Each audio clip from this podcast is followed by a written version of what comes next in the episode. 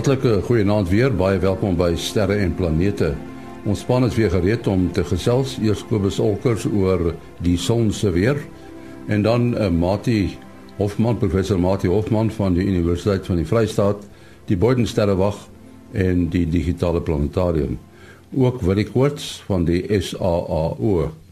Maar voor ons hulle aan die woord stel, eers ruimte nuus wat geskryf is deur Herman Torin in Bloemfontein. China gaan teen die einde van 2017 'n tuig op die maan laat land wat rotsmonsters op die maan gaan versamel en na die aarde terugbring. Die tuig wat uit 4 dele sal bestaan, sal 8,2 ton weeg en bestaan uit 'n wenteltuig, 'n landingstuig, 'n dalingstuig en 'n terugkeertuig. China het in 2013 'n tuig met 'n maankarretjie op die maan laat land. Die maankarretjie het 31 maande op die maan rondgery voordat dit tot nul is.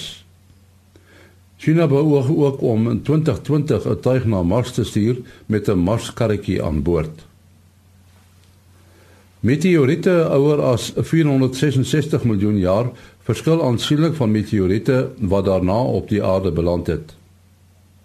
Volgens nuwe navorsing was 34% van die ouer meteoriete van 'n sekere soort. En nou maak daardie soort minder as 'n half persent uit.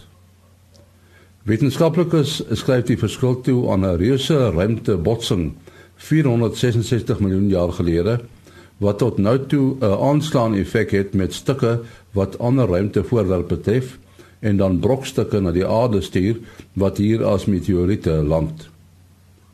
Tot sover dan 'n ruimtenuus geskryf deur Herman Torin in Bloemfontein. En nou Kobus Olkers met uh, nuus oor die son se weer. Ja, ek sit nou en kyk hier na lewende gevoer van die son af uh in die ekstreem ultraviolet en dis 'n wonderlike pragtige deel van die skepping, so so groot. Ek sit nou um hier is 'n pragtige prominensie. Dit is nou as 'n mens 'n filament van die kant af sou sien, so op die horison van die son. En hy sit in die wonderlikste bewegings en maak as mens dit net so uh, oor 'n ding terugspeel. Uh dit is 'n filament wat nou besig is om om uh, te probeer afbreek.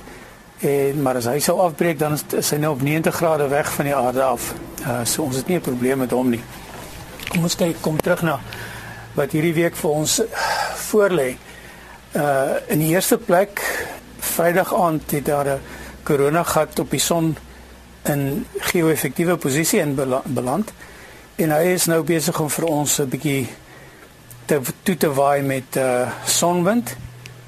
Dan is daar 'n uh, aktiewe area wat sy kompleksiteit verloor het. Maar in die proses uh, het hy pragtig geraak. Hy is nou seker so 45 grade weg van van die die mediaan van die son af.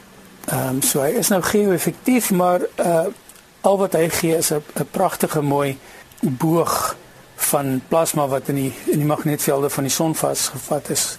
Hy sal geen effek uh, in hierdie week op op op die aarde het in ons ruimte weer nie. Dan het ons 'n uh, uh, redelike groot uh, filament uh, wat nou ook juis geo uh, effektief is. Hy kan dalk in die volgende dag of 3 kan hy dalk loslaat. Dit lyk asof hy uh aan sy vinger aan sy vingernaels vas vasklou. Hy kan dalk loskom en ek gee dit so 40 45% kans om om die ruimte weer hier te beïnvloed. Dit behoort nie 'n groot genoeg skok te wees om enige elektriese of of internetprobleme te veroorsaak nie. Baie dankie Kobus Holkers in Florida, Amerika. Nou ons span is uh, weer gereed. Dit is uh very quotes daar in Sutherland hierdie keer en uh, dan professor Mati Hofman van Bloemfontein. Uh, Willie, uh, ons praat baie van Sutherland en uh, die teleskoopplaas wil ek sê. Uh, daar is natuurlik 'n hele klompie teleskope en daar's natuurlik 'n hele klompie interessante projekte wat daar in die gang is. Meeste mense praat oor SALT, die South African Large Telescope, maar dit is nie die enigste teleskoop daar nie. Ja, dis korrek. SALT is maar een van 21 teleskope en in in hierdie week het daar nog enetjie bygekom. Miskien dit nie regtig 'n teleskoop noem nie, maar uh, ja, so daar's 'n hele 'n hele plateau vol teleskope en as daar ook verskillende fasiliteite uh, wat uh, sien meet en wat aardbewings meet en wat die kontinentale dryf meet uh, hoe die uh, tektoniese plate beweeg ensovoorts ja so dis 'n hele 'n hele magdom van instrumente wat die bo op die kop staan en die instrumente die is nie noodwendig Suid-Afrikaans nie hulle behoort ook aan die internasionale sterrekunde Dis korrek. Ja, want van hierdie 21 teleskope is daar maar 4, 5 wat beman word.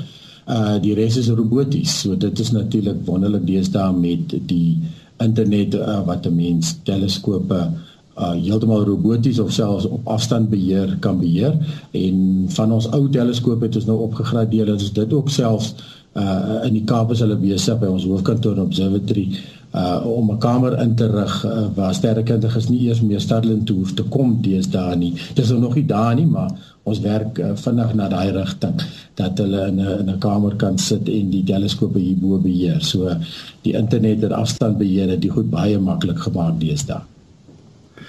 Ja, wat die, wat wat sou nou die voordeel wees van 'n robotiese teleskoop want dit neem 'n bietjie die uh, ja, ek wil dit noem die romantiek van sterrekunde neem dit weg, nê? Nee? Dit is beslis so. Ek meen selfs ons teleskope hier word nog beman en daar is soos hulle sê hands-on observing jy jy moet nog uitgaan in die teleskoop gaan rig. Uh alhoewel dit soos ek sê nou dit begin ook nog al meer geautomatiseer te raak.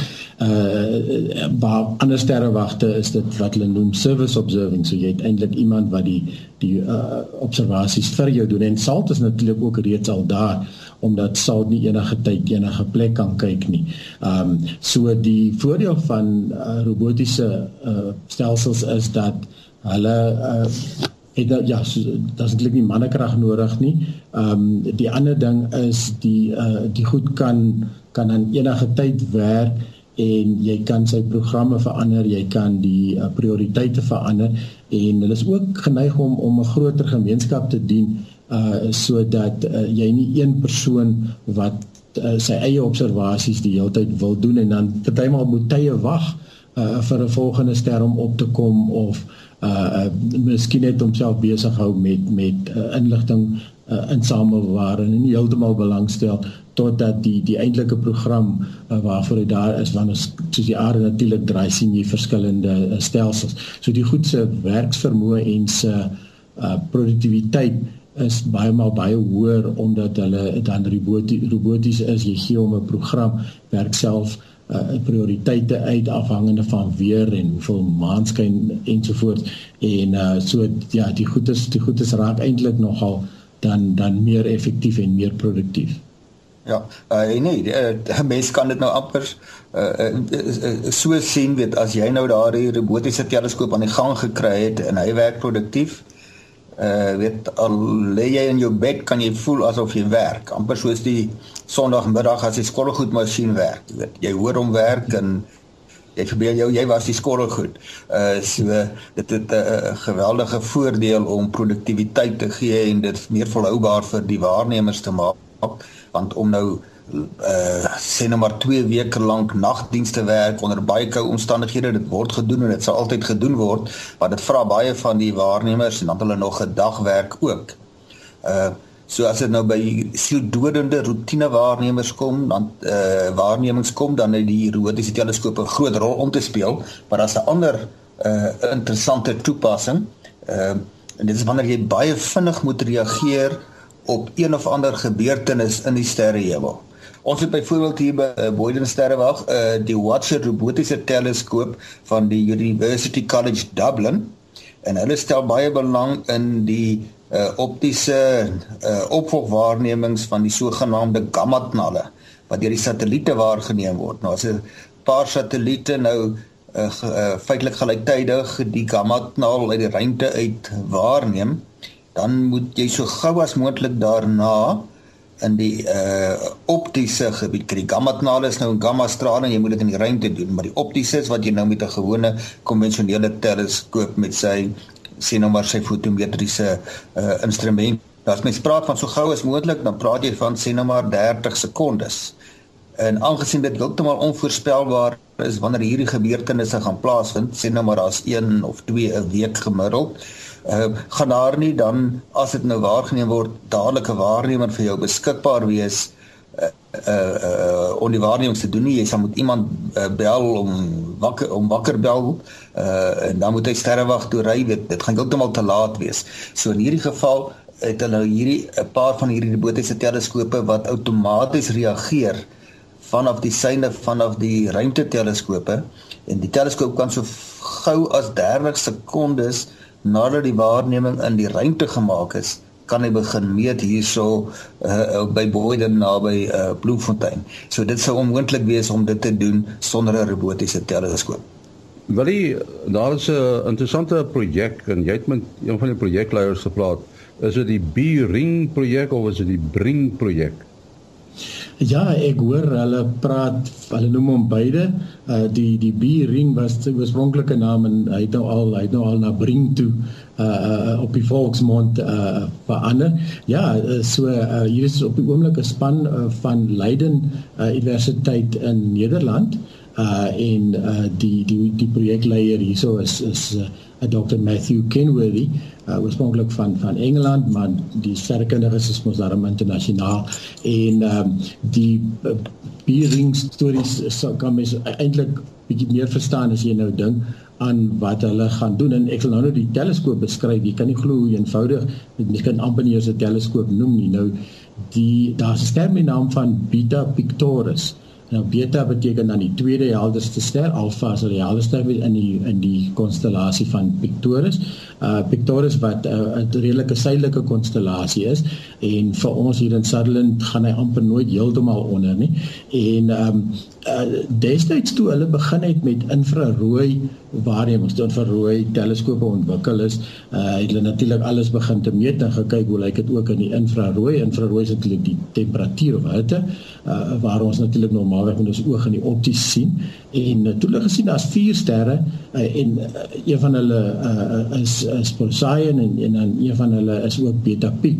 Um, wat baie helder is in die infrarooi, baie helderder as wat hulle sou verwag het. En die enigste afleiding wat jy daar ons praat nou hier van die 1970s, 80s en die enigste afleiding wat jy nou toe kon maak is dat daar moet iets wees wat gloei daarso wat die hitte veroorsaak en uh, dit is uh, dit dit kan dan iets wees so stof of uh die oorblyfsels van planete wat gebots het op planete wat nog moet vorm.